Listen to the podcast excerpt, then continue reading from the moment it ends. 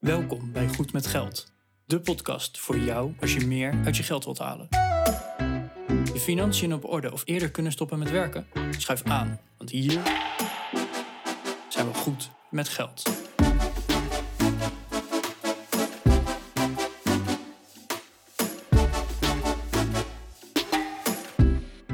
Aflevering 213 van de Goed met Geld podcast. Hey, Arjan hier van de Goed met Geld podcast. En leuk dat je weer luistert. Wij hebben dus net een aflevering opgenomen over een Amerikaan en zijn naam is Dave Ramsey. Ik weet niet of er een belletje bij je gaat rinkelen, maar Dave Ramsey is, ja, gigantisch groot in Amerika om zijn financiële advies. En dat financiële advies, dat is echt heel simpel. Betaal je schulden af.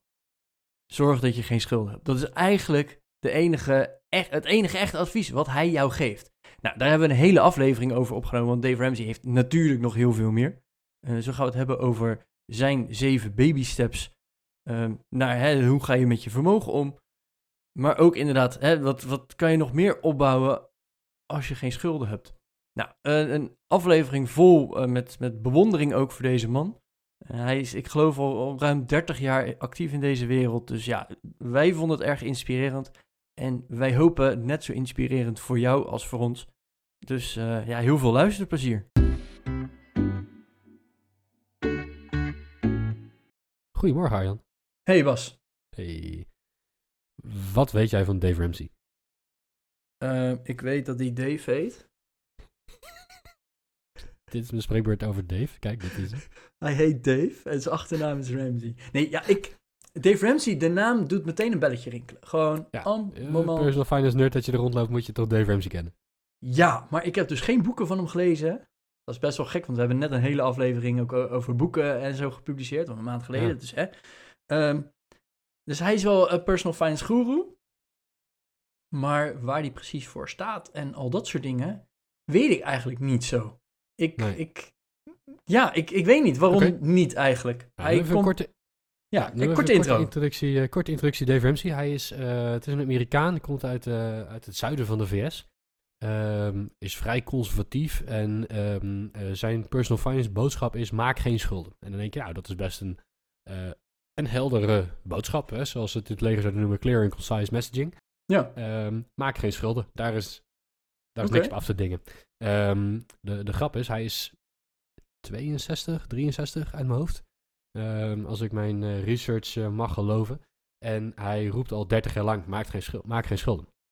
Oké, okay, uh, nou. Dave Ramsey is uh, bekend geworden van zijn radioshow. Hij heeft um, heel lang, misschien nu nog steeds al, dat weet ik eigenlijk niet, heel lang een radioshow in de vers gehad, waarin hij het had over dat je geen schulden moet maken. Oh, hè, wat verrassend. dat is super verrassend inderdaad.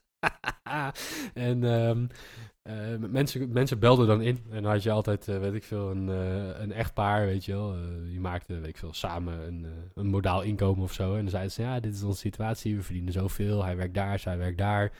Um, en we hebben, een, we hebben een hypotheek. En dan hoorde je helemaal, oh, maak geen schulden. Dat was een beetje de boodschap, oh. Pay, pay off your debts. It's, ja. Oh. Hi, this is Arjan. Pay off your debts, dude. Ja, Oké, okay, Arjan, vertel je situatie. Ja, ik heb dus uh, zoveel op de bank en ik heb een huis en ik heb een hypotheek. That. oh, en de, deze aflevering wordt dus uh, in, precies in, in mijn huizen-serie ge, gepubliceerd. Ik kan, hem, ik kan je nu vertellen, hij is niet trots op me. Dave is zeker niet trots op jou. Maar, nee. Uh, nee. Maar goed, um, dat, dat doet hij dus op 30 jaar, die radio show. En hij heeft inmiddels een, hij heeft een aantal boeken geschreven, maar hij heeft een, hele, een heel mediabedrijf eromheen uh, gebouwd. Um, oh. En, en de reden dat ik het um, uh, over Dave Ramsey wilde hebben, ik, het is een beetje gejat van een andere podcast. Maar uh, het, verhaal van Dave Ramsey en van zijn, uh, van zijn zakelijk imperium kwam, uh, kwam langs. En ik, ik was er echt wel van onder de indruk. Ik, ik, kende hem als personal finance nerd, had ik hem wel eens gehoord op een podcast. Ik, had, ik heb een van zijn boeken in de kast staan. Um, en zijn filosofie van maak geen schulden. Ja, die is denk ik heel goed voor heel veel mensen. Um, ik, ik ben er zelf niet 100%, uh, of ik ben het er zelf niet 100% mee eens. Ik denk dat schulden in sommige gevallen, let op, in sommige gevallen, een heel goed hulpmiddel kunnen zijn. Maar ja, hij, is, hij is zo rechtlijnig en, uh, en stellig, maak geen schulden. Dan denk ik, ja, dat, dat, dat gaat voor mij een beetje aan de, uh, de, de boodschap gaat daarin dus voor mij een beetje verloren. Um, okay. dus uit, uit die hoedanigheid ken, kende ik Dave Ramsey wel. Maar ik, ik hoorde over zijn zakelijk imperium, over zijn vastgoed en over zijn bedrijf. Toen dacht ik, holy shit, dit is echt enorm. Ehm, als in enorm, enorm. Als in bijna miljardair enorm. Eh, zo, zo groot is het, eh, is het Oh, dat is wel een beetje het tegenovergestelde van maak geen schulden. Eh, Gewoon nou, dat, stinkend dat weet je. je kunt ook miljardair zijn zonder schulden met zo'n bedrijf. Maar ehm, eh, ik weet niet of hij miljardair is. Ik denk eigenlijk van niet. Ehm, maar is hij een paar honderd miljonair? Dat denk ik wel. Dus eh, hoeveel, geld hij, hoeveel geld hij heeft, hoeveel vermogen hij heeft, eh, Joost mag het weten. Dave mag het weten waarschijnlijk. En zijn accountant waarschijnlijk ook wel. Eh, ik weet het niet. Als je op het internet eh, gaat kijken, dan kom je eh, tussen de 200 en eh, 800 miljoen tegen, zeg maar. Dus nou, de waarheid zal ongetwijfeld ergens in het midden liggen. Al is het eh, aan de lage kant en we nemen de helft afslag, is het nog steeds 100 miljoen. Super impressive in elk geval. dat Ja, sowieso wel. eh, Ehm, Ja, oké. zeker, zeker als jij je hele, je hele merk hebt gebouwd rondom... Je moet geen schulden maken. Dat is toch wel een, eh, toch wel een dingetje. Ehm, dus even, even heel kort, eh, Dave Ramsey is misschien, eh, naast dat hij altijd roept, maak geen schulden, is hij bekend ook van de baby steps to eh, personal finance. Ehm, misschien heb je daar wel eens van gehoord, de zeven stappen die je moet doorlopen om steeds volwassener te worden. Hè? Zoals een baby leert lopen is met kleine stapjes, die- eerst, of eerst kruipen en dan kleine stapjes en, en steeds verder gaat lopen. ja, die- Ehm, die- heeft hij de baby, de baby steps voor personal Die finance. heb ik wel eens gehoord, inderdaad. Oh, Ja. komen die van hem? Ja, die komen van hem. En, eh, Ah. kun, kun je ze ook opratelen of niet? Ja, natuurlijk kan dat, want je zit naar, naar mijn research te kijken nu. Maar Ja, ik wou, ik wou zeggen, het, het, begint in ieder geval met zorg dat je, dat je een, een eerste eh, eh, vangnet hebt. Hè? Dus als- de wasmachine kapot gaat, moet je die in één keer kunnen betalen. Dus het- Ja. hè, de- Ja. zorg dat je dat hebt. Eh Ja, betaal hij, je hij, klopt, hij zegt inderdaad, eh, de eerste stap is, eh, ik heb hem even vertaald, eh, maak er 1000 euro van. Spaar 1000 euro. Hij zegt altijd, je moet 1000 dollar op de bank hebben staan. Hoe diep je ook in de schulden zit, hoe penibel je financiële situatie ook is, zorg er als eerste voor dat je 1000 eh, piek op de bank hebt staan. Want dat voorkomt namelijk dat je in het geval van een tegenslag weer nieuwe schulden moet maken. Ja, dus dat is baby step nummer 1. Ja. Ja, nou, dan komt zijn slogan, eh, betaal je schulden. Ja, behalve je huis. Hè? Dus eh, alle, alle, al, je Oh, echt? leningen die, ja, al je leningen die niet je huis zijn, eh, die moet je als eerste afbetalen. Dat is baby step nummer twee. Ehm, en hij, hij zegt erbij dat je de sneeuwbalmethode moet gebruiken. Als je puur wiskundig zou kijken, zou je zeggen... oké, je moet de leningen met de hoogste rente als eerste afbetalen. Dat, dat levert wiskundig gezien het meeste rendement op. En Ja. dan ben je ook... Het is niet alleen wiskundig, het is ook echt zo. Het is net alsof wiskunde echt is, hè? Het is ook bijzonder. Ja. Ehm, maar je bent dan ook echt eerder uit je schulden... als je de hoogste rentes als eerste afbetaalt. Ehm, hij zegt, nou, dat moet je niet doen. Hij zegt, je moet de sneeuwbalmethode gebruiken. Dat betekent klein beginnen en oprollen. Dus eh, hij zegt, je moet de lening met de kleinste openstaande, eh, het kleinste openstaande saldo als eerste aflossen. Want dan krijg je momentum. En als die is af, stel dat je een lening hebt van maar 100, do- 100 dollar of 100 euro. En je lost die als eerste af, dan is die weg. En dan is die maandelijkse betaling die je al moet doen, die twee tientjes misschien of zo, weet ik veel wat het is. Die is daarmee ook weg. En die kun je dan oprollen in die sneeuwbal naar de volgende en naar de volgende en naar de volgende. Dus ja, het duurt dan ietsjes langer voordat je uit de schulden bent dan als je met de hoogste rentepercentage zou beginnen. Maar het zorgt er wel voor dat je momentum krijgt. Ja, je, je verlaagt je maandlasten eigenlijk eh, zo snel mogelijk. Ja, je, ah, je Hè, als je je leningafbetalingen als maandlast ziet, Ja. eh, probeer je die zo snel mogelijk omlaag te brengen. Waardoor je, als je steeds hetzelfde bedrag erin stopt, ga je steeds meer aflossen. Ja, en dan zie je inderdaad, en zeker in de, in de VS is de schuldenproblematiek eh, nog wat groter dan in Nederland. Maar dan zie je inderdaad dat mensen drie verschillende creditcards hebben en een persoonlijke lening en een wasmachine op afbetaling hebben gekocht en een iPhone op afbetaling hebben gekocht en nog een schuld bij een vriend hebben enzovoorts, enzovoort, enzovoort, enzovoort. Ja. Hè, die misschien wel zes, zeven, acht schulden uitstaan naast zijn eigen woning. Eh, en hij zegt dan van ja, betaal degene met de kleinste saldo als eerste af. En dan de volgende, en dan de volgende, en dan de volgende. Ja, Ehm, oké. en, en alles wat je overhoudt, moet je in die aflossing stoppen, zodat je zo snel mogelijk schuldenvrij bent. Ja. Ehm, nou, dan, dan baby step nummer drie is eh, dat je drie tot zes maanden aan uitgaven spaart. Dus dat is echt je emergency fund, waar wij het ook wel eens over hebben. Ehm, hè, met, met 1000 euro op de bank kom je er misschien ook niet helemaal. Een beetje afhankelijk van wat je maandelijkse kosten zijn natuurlijk. Hè. Dat, is, dat is een aanname. Maar hij geeft eh, daarna aan, en daar sta ik, sta ik wel volledig achter, dat je op een gegeven moment moet zorgen dat je, dat je een aantal maanden kunt overleven eh, zonder dat je eh, inkomsten hebt. Ja, nee, eh, zeker. Dat, dat is heel belangrijk. Dat doe jij ook toch? dat- Ja, zeker. Zo simpel is het gewoon. Een, een aantal, aantal maanden staan op mijn spaarrekening. Ja, en het is ook gewoon een lekker gevoel, hè, dat, er, ehm, dat, dat je wat achter de hand hebt.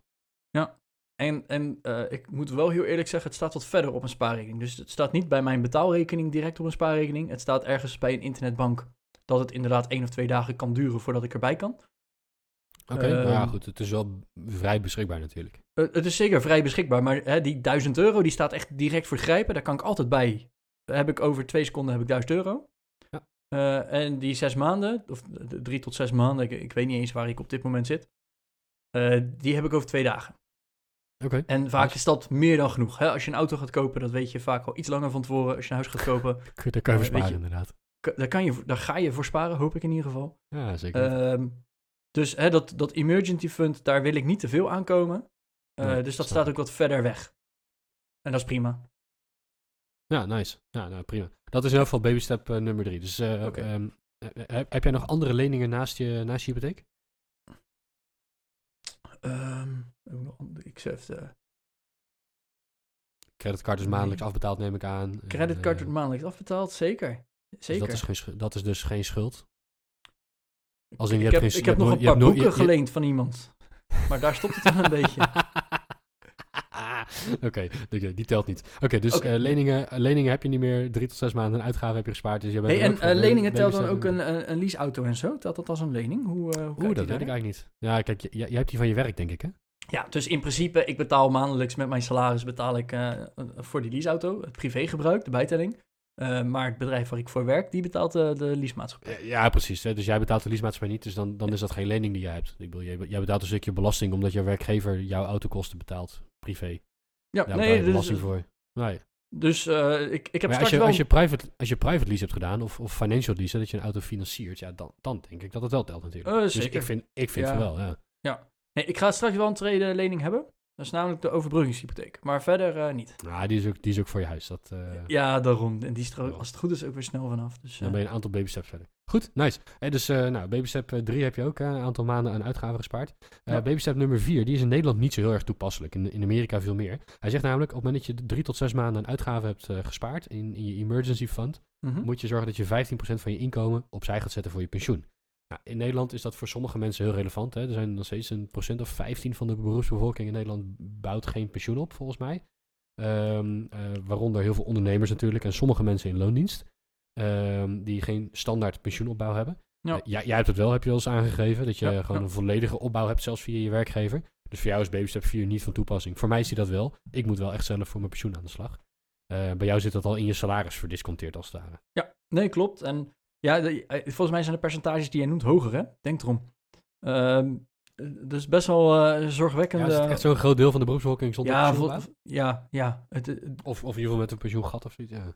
nou, eh, pensioengat bestaat niet. Daar hebben we eh, laatst nog een aflevering over, Klopt, je moet gepubliceerd niet kijken naar de fiscale mogelijkheden, maar naar wat je nodig hebt. Ja. Ja, nee, daarom. Dus, eh, opgelet. maar, maar eh, volgens mij, ik geloof de helft van alle, alle ZZP'ers en, en eh, freelancers, die eh, doet er zo ongeveer niks aan.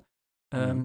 Dan heb je inderdaad 10% van de eh, mensen in de beroepsbevolking, eh, geloof ik, die, die gewoon niks opbouwen. En dan heb je ook nog eens een heel groot deel die maar een deel opbouwen. ja, precies. Ja. En dat is, dat, dat, hè, dan betaal je wel iets en dan denk je, oh, dat is helemaal mooi. En dan valt het uiteindelijk nog tegen. En dan blijkt inderdaad je pensioen, dan denk je, ja precies. Nou goed, hij geeft er ook van aan, hè, zeker in de VS is het eh, lang niet zo vanzelfsprekend als in Nederland. Hè. Dus in Nederland ook niet vanzelfsprekend, maar het wordt veel vaker voor jou geregeld als werknemer. Eh, maar hij geeft aan van ga eh 15% van je, van je inkomen als huishouden opzij zetten voor je pensioen. Eh, in Nederland, ik zou die vertalen denk ik naar, kijk eens even hoe jouw pensioen, pensioensituatie eh, eruit ziet. En ga, eh, en ga dan zorgen dat je in ieder geval een, een, een goede pensioensituatie hebt. Ja. Dat is misschien wel een beter, eh, beter idee. Ehm, stap 5 is dan, eh, als je pensioen eh, geregeld is, of in ieder geval als dat loopt, eh, dan ga je sparen voor je kinderen, bijvoorbeeld voor je studie. Ehm, zeker in de VS waarin studeren onbetaalbaar is, een heel goed idee. In Nederland studeren begint steeds onbetaalbaarder te worden. Dus misschien best wel een goed idee. Als je nu kinderen krijgt, dat je nou, zorgt dat die over 20 jaar kunnen gaan studeren. Dat zou niet een heel slecht idee zijn. Want ik vraag me af of over 20 jaar de studie nog wel te betalen zijn. Ja, Ehm, en, en maak dan inderdaad gebruik van compound interest, hè.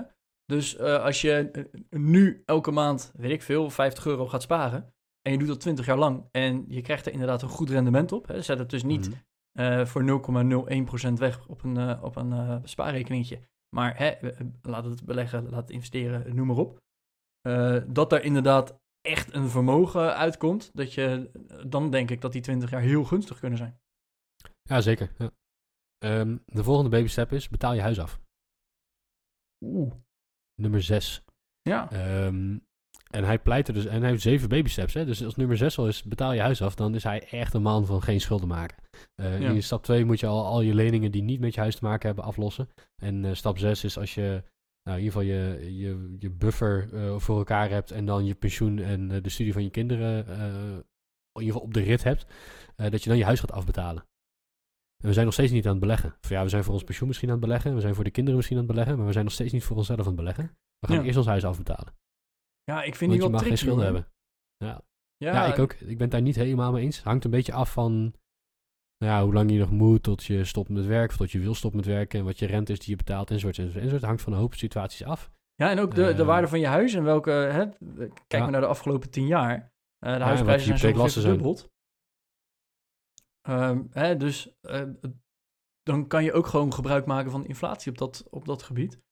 Eh, dus hè, wil je dat inderdaad helemaal aflossen of, of los je een deel af? Hè? Kijk, en als je 100% geleend hebt eh, en je maandlasten zijn best wel hoog, dan snap ik dat je een deel daarvan gaat aflossen. Ja. Maar er zit een heel groot verschil tussen eh, hè, van, van 100% naar 70% willen aflossen en van 70% naar 0 willen aflossen. Ja, zeker. En ehm, ik zou daarbij ook pleiten om naar de maandlasten te kijken en naar het risico dat je loopt op het verlengen of het, eh, de mogelijkheid tot verlengen van je hypotheek. Ja. Als jij eh, nog maar 300 of 400 euro in de maand betaalt voor je hypotheek en je hebt gewoon een inkomen en je hebt ook genoeg belegd om na, nadat je stopt met werken nog een inkomen te hebben. ehm, en die 300, 400 euro in de maand is voldoende dat die hypotheek op een gegeven moment ook echt is afgelost. Of je hebt de mogelijkheid om nou ja, naar een nieuwe rentevastperiode te gaan, enzovoorts, enzovoorts, enzovoorts. Ja, wat is dan het risico als je juist niet volledig hebt afbetaald? Zo zou ik er dan naar kijken. Maar goed, Mr. Dave, eh, Ja. de one and only. Hij zegt, betaal je huis af, want geen schulden maken, mag Ja. je niet doen. Oké. Dus step 6, betaal je huis af. Ehm, en dan zijn laatste stap is echt het, eh, het gaan opbouwen van vermogen. eh, met het doel om, eh, ja, om, om rijk te worden, om vermogend te worden. Mhm. En daarmee dus ook ehm, geld weg te kunnen gaan geven aan goede doelen en aan mensen die dat, die dat nodig hebben.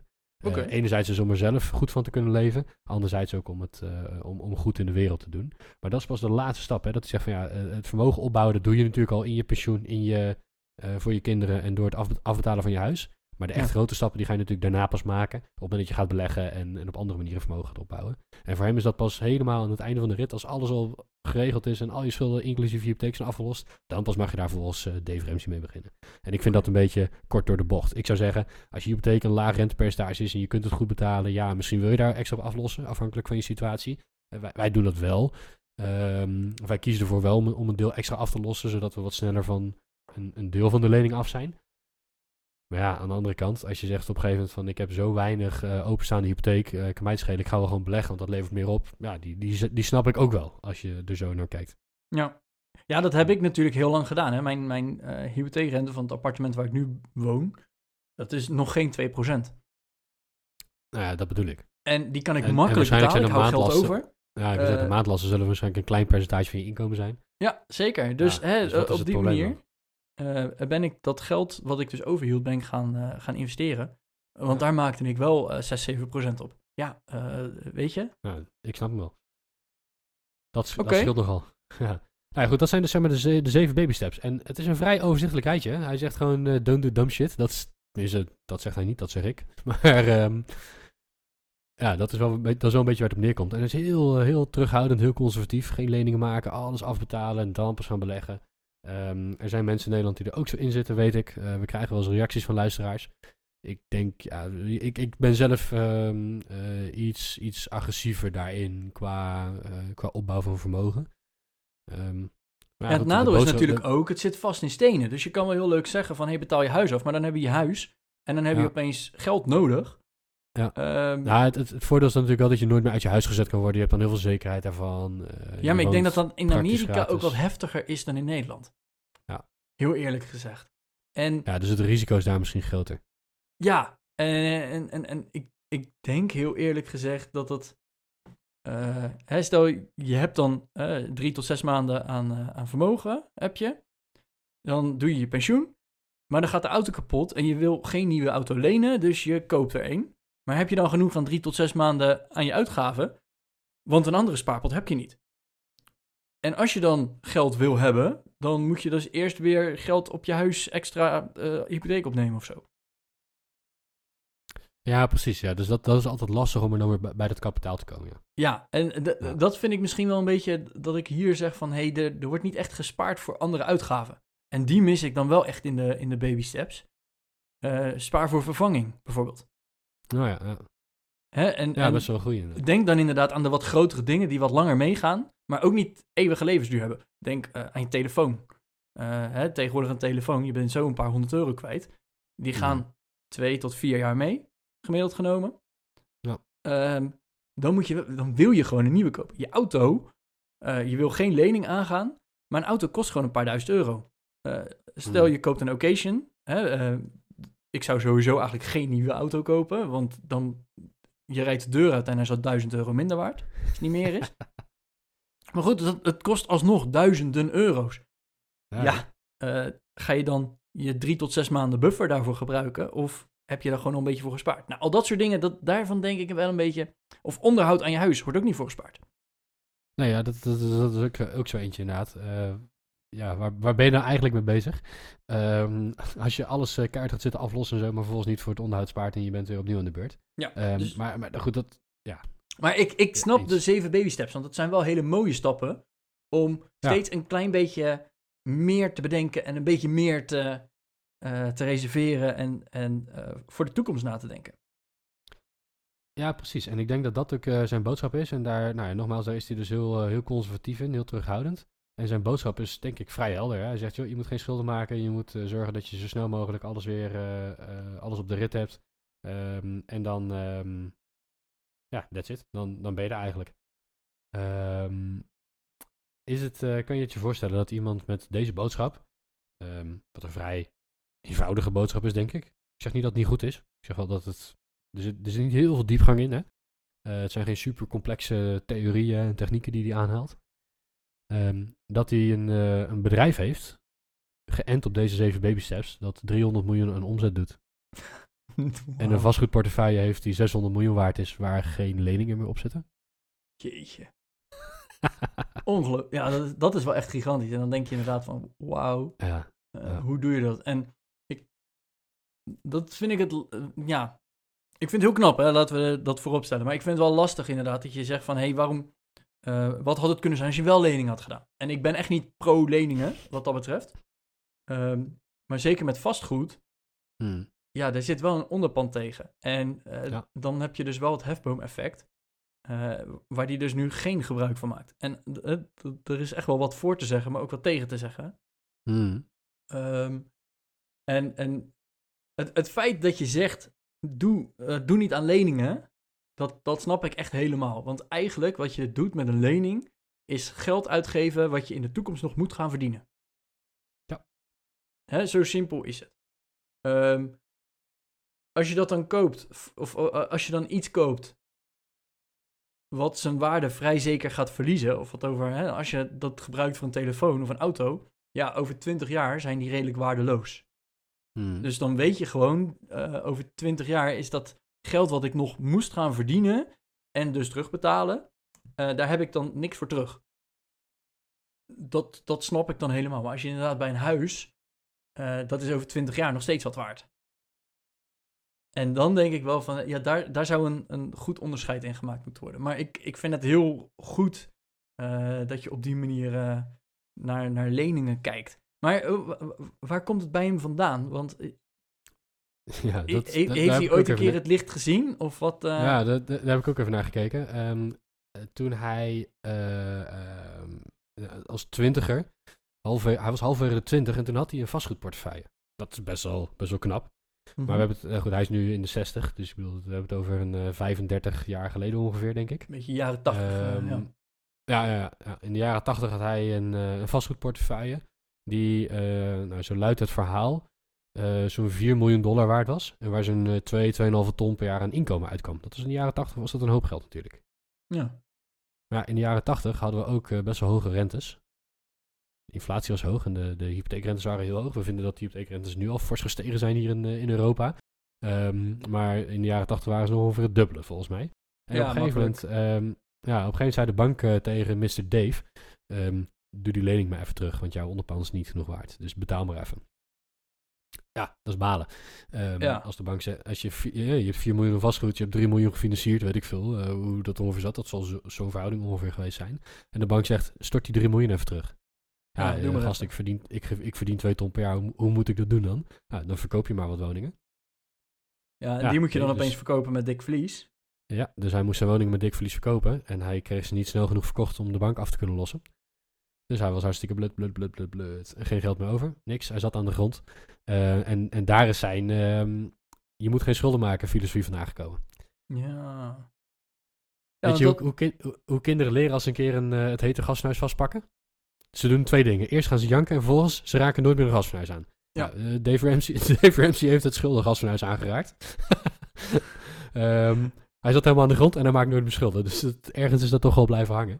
Ehm, eh, Andrew Huberman van de Huberman eh, podcast, die zou dit one trial learning eh, noemen. Dat is Oh, een, ja. eh, fe- een fenomeen in de hersenen.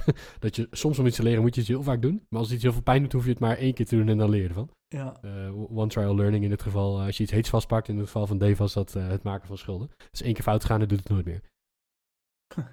Oh, wow. Oh, nice. Oké, dus eh, m- Mr. Dave betaal je aflossingen af Ramsey. Eh, bekend dus van de baby steps, de seven baby steps.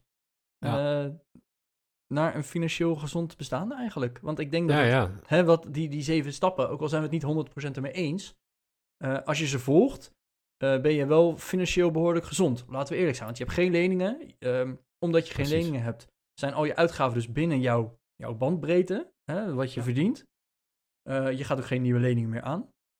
Je betaalt je huis af, je, be- je bouwt wat vermogen op voor later. Hm. Ehm, ja, ik denk dat dat gewoon een hele gezonde manier van leven is. En ik, ik denk dat heel veel mensen daar inderdaad wat van kunnen leren. Wat, eh, welke, welke tips zou jij geven van, hey, als je, zoals ik nog nooit eh, van Dave Ramsey heb gehoord, of nog nooit iets met zijn, zijn inhoud hebt gedaan, behalve de Seven Baby Steps hebt gehoord, Hm. eh, wat, wat zou je dan aanraden? Moet ik iets van een, een van zijn podcasts luisteren? Heb je een radioshow, een, eh, een boek wat ik misschien wel moet lezen? Wat, welke zou jij... eh, Ja, dat weet, weet ik eigenlijk niet zo goed of ik het zou aanraden. Eh, zoals ze zeiden, ik, ik ben niet per se een eh, volger van, eh, van Ramsey. Ik vind dat hij wel wat goede punten heeft, maar ik vind ook dat hij wat punten heeft waarvan, ja, waar ik zelf niet zoveel mee kan. Eh, het hele geen schuldenverhaal bijvoorbeeld. Hè. Ik, ik vind dat een hypotheek best een aardig hulpmiddel is. Zeker als je die langere tijd kan vastzetten voor een hele lage rente, zoals we het nou, tot een jaar geleden ongeveer nog konden doen. ja. Ehm, dus nee, ik ben niet per se een volger van Ramsey. Als je, als je wat meer van hem wil weten, ehm, op zijn website ramseysolutions.com, dat is niet zijn website, dat is een website van zijn bedrijf, Ramsey Ja. Solutions. Ehm, daar kan je klikken op shows en dan kan je de Ramsey Show volgen. Eh, dat is zijn, eh, zijn podcast, radioshow, zeg maar. Hij heeft nog een aantal andere podcasts eh, en wat, wat collega's van hem hebben ook podcasts in de personal finance wereld. Ja. Eh, die, vind, die vind je op die website, ramseysolutions.com. Die zullen we even op de, in de show notes ook noemen. Ehm, en, en de grap is bij, op, op hun website kun je dus ook zien wat dat bedrijf allemaal doet. Want eh, we, we hebben het gehad over het credo geen schulden maken en over de zeven baby steps. Dan denk je, oké, nou, dat is het dan wel. Hè? Ehm, Bas van de Goed met Geld podcast kan het in een half uur uitleggen. Hoe moeilijk is het dan? Ja, er zitten toch 400 of 500 medewerkers in dat bedrijf. Doet 300 miljoen per jaar aan omzet. Eh, ze, ze hebben er wel een echt bedrijf van gemaakt. Ja. Eh, en, dat, en dat is wat ik wel heel knap vind. Eh, en dan zie je ook dat ze allerlei producten hebben. Ze hebben, ehm, ze hebben apps, ze hebben boeken, ze hebben education eh, voor scholen. Ze hebben financial goed. coach training, ze hebben zelf financial coaching. Eh, ze trainen coaches, maar ze, kunnen, ze bieden zelf ook coaching aan. Ze hebben de Financial Peace University, waar je, waar je klassen kan volgen. Ehm, ze organiseren evenementen, ze hebben allerlei services die zij vertrouwen op het gebied van verzekeringen en hypotheken. En dat is al een beetje dubieus, hè? dat ze dan toch hypotheken ja. bemiddelen. Maar We, we raden het af, maar als je het dan moet doen, neem dan deze, weet je? ja, Dat, dan eh, deze, vertrou deze vertrouwen en die verkopen. Hier krijgen wij het meeste Dus- geld van. Oh, wacht, dat mag niet. Ja, mogelijk, mogelijk. dus je ziet dat er een heel mediabedrijf omheen is gebouwd. Hè? Met radioshows, met podcasts, met eh, artikelen, met affiliate marketing, met eh, eigen producten, met een eigen universiteit. Niet als in een institutionaire universiteit, maar wel als in eh, de Dave Ramsey University, waar je dus eh classes kan volgen. Zij geven ook les op andere scholen, bij eh, kerken, ehm, eh, bij financial coaches enzovoort. Dus ze hebben een heel bedrijf omheen gebouwd. Ehm, en dat, dat vind ik wel waanzinnig knap. Ehm, zeker als je ziet dat dat 300 miljoen per jaar oplevert. Dat ze 500 mensen aan het werk kunnen houden ervan. Ja, dan heb je toch met zo'n met zo'n vrij simpele boodschap een ontzettend... eh, of je bent een waanzinnig goede eh, ondernemer, of je hebt gewoon echt een markt aangeboord en je hebt het 30 jaar lang gedaan, want dat is natuurlijk wel zo. 30 jaar lang, elke dag, meerdere uren per dag op de radio dezelfde boodschap verkondigen. Ja, dat blijft blijkbaar plakken. En ik denk dat dit toch een onderwerp is wat bij heel veel Amerikanen, of überhaupt bij veel mensen, maar in zijn geval bij veel Amerikanen leeft. Ik denk dat het juist inderdaad de doelgroep is die. eh, hè, dat, dat is in ieder geval het beeld wat ik heb van de Amerikaanse bevolking. Dat die heel erg eh, moeite hebben om schuldeloos door eh, het, leven te gaan. En dat, dat kan heel eh, onjuist zijn, hè? laten we dat, dat in het midden stellen. Maar ik heb altijd het beeld bij Amerikanen van hè, altijd alleen maar hypotheken, alleen maar leningen, ah, personal finance, dit, dat. Je begint al met 100.000 euro studieschuld. Dat, dat is een beetje standaard. Ja, al dat soort dingen. Hoeveel creditcards hebben ze? hebben geen gewone debitcard. Hè? De pinpas die wij hebben, dat kennen ze er ongeveer niet. Eh, ze hebben alleen maar creditcards. En als, de, als nummer 1 niet werkt en nummer 2 werkt niet, dan ga je toch naar nummer 3. Ehm, dat hele systeem daaromheen is ook gewoon anders opgebouwd. Hè? Want eh, ja, de travel hacking, dat, dat is gebaseerd zo ongeveer op creditcards. Dat je inderdaad op de punten van die creditcard dan weer daarheen kan vliegen. En op de creditcard van de andere maatschappij vlieg je weer terug. Ja, dat kennen we in Ja. Nederland eigenlijk bijna niet. En Ja, veel, veel Eh, minder inderdaad. nou, Ja, dat ze inderdaad gewoon een en- systeem hebben. Je mag 12 creditcards per twee jaar aanvragen. Eh, en dat ze dat dus ook doen, want dan kunnen ze Dat de dat maximale aantal inderdaad. punten eruit halen. En dan moet je wel die Ja. nemen en dan op dat moment weer die. En al, al ik dat denk, ik soort denk dingen. wel met die. Ik denk overigens wel, als je het hebt over die, die, die punten, dat het, de mensen die dat echt doen en dat in de detail uitzoeken wat jij nu noemt, dat dat wel de, eh, de mensen zijn die iets beter misschien met hun creditcards omgaan. Wat voornamelijk het verschil is tussen Nederland en de VS, is dat wij creditcards wel kennen, maar dat eind van de maand gewoon het volledige bedrag wordt eh, geïncasseerd. Ja. Ehm, en, en dat dat in de VS helemaal niet zo gebruikelijk is. Dat mensen gewoon 25% rente betalen op het openstaande saldo. En dat ze het minimale betalen, wat vaak net genoeg is om de rente te dekken. En dat dat saldo dus op zijn creditcard altijd open blijft staan. Ze doen online een betaling, ze kopen een nieuwe broek of een iPhone of whatever. En ze zien, oh, dat is op mijn creditcard maar 8 dollar per maand. Ja, maar wat je niet vergeet is dat je die schuld dus op zit te hogen met een paar honderd dollar, waar je 25% rente op betaalt. En ja, je creditcardbetaling gaat maar iets omhoog. Ehm, maar, maar dat is natuurlijk een enorm schuldenprobleem. Nee, en, en hè, wat jij zegt, de, de mensen die dat inderdaad zo optimaliseren, die, die zullen daar ook niet over nadenken. eh, want die weten gewoon hoe ze er goed mee om, om moeten gaan. En wat je in Amerika ook veel meer hebt, is die credit score. In Amerika kijken ze heel erg van, hey, hoe kredietwaardig ben jij? En als jij je creditcards, eh, als je die niet hebt, krijg je zo ongeveer ook geen credit score. Maar die heb je wel Mhm. weer nodig om een hypotheek te krijgen. Dus je moet eigenlijk eerst aantonen met creditcards dat jij kredietwaardig bent. Ah, dat is echt lelijk, hè? Ja. Voordat je je hypotheek of een andere schuld of weet ik het wat. En eh, het is ook heel makkelijk om die credit score naar beneden te werken. Maar heel moeilijk om daar weer bovenop te komen. Ja, dat is heel lelijk. Ik, ik heb dat van een Amerikaan gehoord een tijdje terug, die eh nou, het geen schulden had. Veel, veel geld verdiende in, eh, in zijn baan. Best wel een aardige banksaldo en investeringsportefeuille had. Ja. En inderdaad gewoon geen, geen hypotheek kreeg.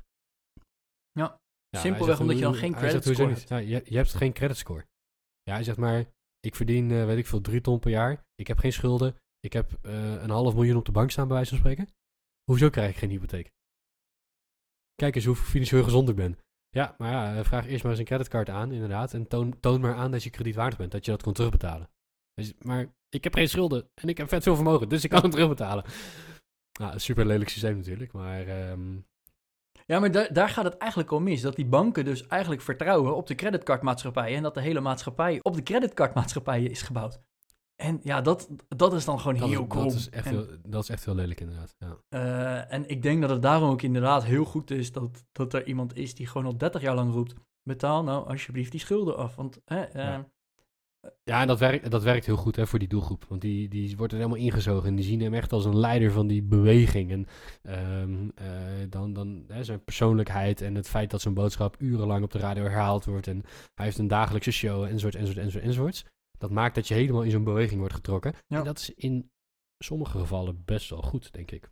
Ja, voor, en voor veel mensen. wat dat betreft denk ik dat die boodschap in ieder geval geen gekke boodschap is. En ik denk dat Precies. eh, je wij mogen geen financieel advies geven, maar het afbetalen van je schulden vind ik wel een goed financieel advies.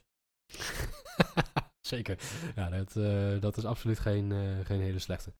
Ja, dus hoe kan je van een simpele boodschap een paar honderd miljoen eh, per jaar maken? Nou, dat is door er een heel bedrijf omheen te bouwen met allerlei producten, shows, evenementen, a- aanbevolen diensten van derden waar je, waar je ongetwijfeld wat kickback fee op krijgt. Ja.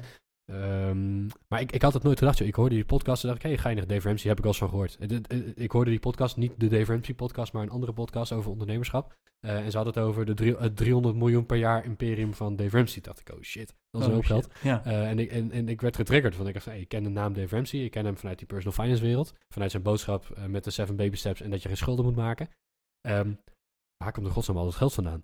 En nou ja, dat is een, eh, die vond ik even cool. Dus ik ben er zelf ingedoken. Ik ben dus gaan kijken naar, nou ja, naar, naar wat is nou zijn achtergrond, eh, hoe werkt zijn bedrijf, wat voor, nou, wat kan ik vinden over hoeveel cash dat uitspuugt. Ehm, nou, dan kom je er bijvoorbeeld ook achter dat hij een campus heeft, waar zijn bedrijf eh, deels in zit. Ehm, wat nou ja, naar eigen zeggen, dat, ik, bedoel, ik heb het niet getaxeerd, maar wat naar eigen zeggen 600 miljoen dollar waard is. En waar natuurlijk geen hypotheek op zit. Ja, dat is toch wel, ehm, ja, het is wel big boy money. ja. Oh, wow. Ja, je bent dan echt geen, eh, dan ben je Da- geen kleine gaat jouw eh, ondernemershart hard, harder van kloppen. Nou, kijk, eh, ja, qua boodschap en qua persoonlijkheid nee, maar, m- maar ook qua wat hij voor elkaar heeft gekregen, ja, absoluut man. Echt heel vet. Nou, nee. Ja, echt heel cool. Dus dat, dat, wil, dat wilde ik even met jullie delen vandaag. Nice. Ja. Ik, ik ben dan wel benieuwd, zijn er nog andere personen die onze luisteraars vinden? Die moeten we ook een keer gaan bekijken. Hè? Wij, wij kennen er genoeg. Eh, maar ik, ik ben altijd benieuwd ook om nieuwe voorbeelden en nieuwe voorbeeldfiguren te, te ontdekken. Nou ja. Dus eh, mocht je nou iemand hebben, eh, stuur even een berichtje. Goedmetgeldpodcast.nl slash contact. Ehm, want hè, we, we hebben er al genoeg in onze podcast be- behandeld. Maar ja, voor hetzelfde geld zeg je, hey, die schrijver of die ondernemer, entrepreneur. kijk daar eens naar. Ik ben Ja. erg benieuwd. En ja, wij zijn er de volgende keer gewoon weer. Tot de volgende keer.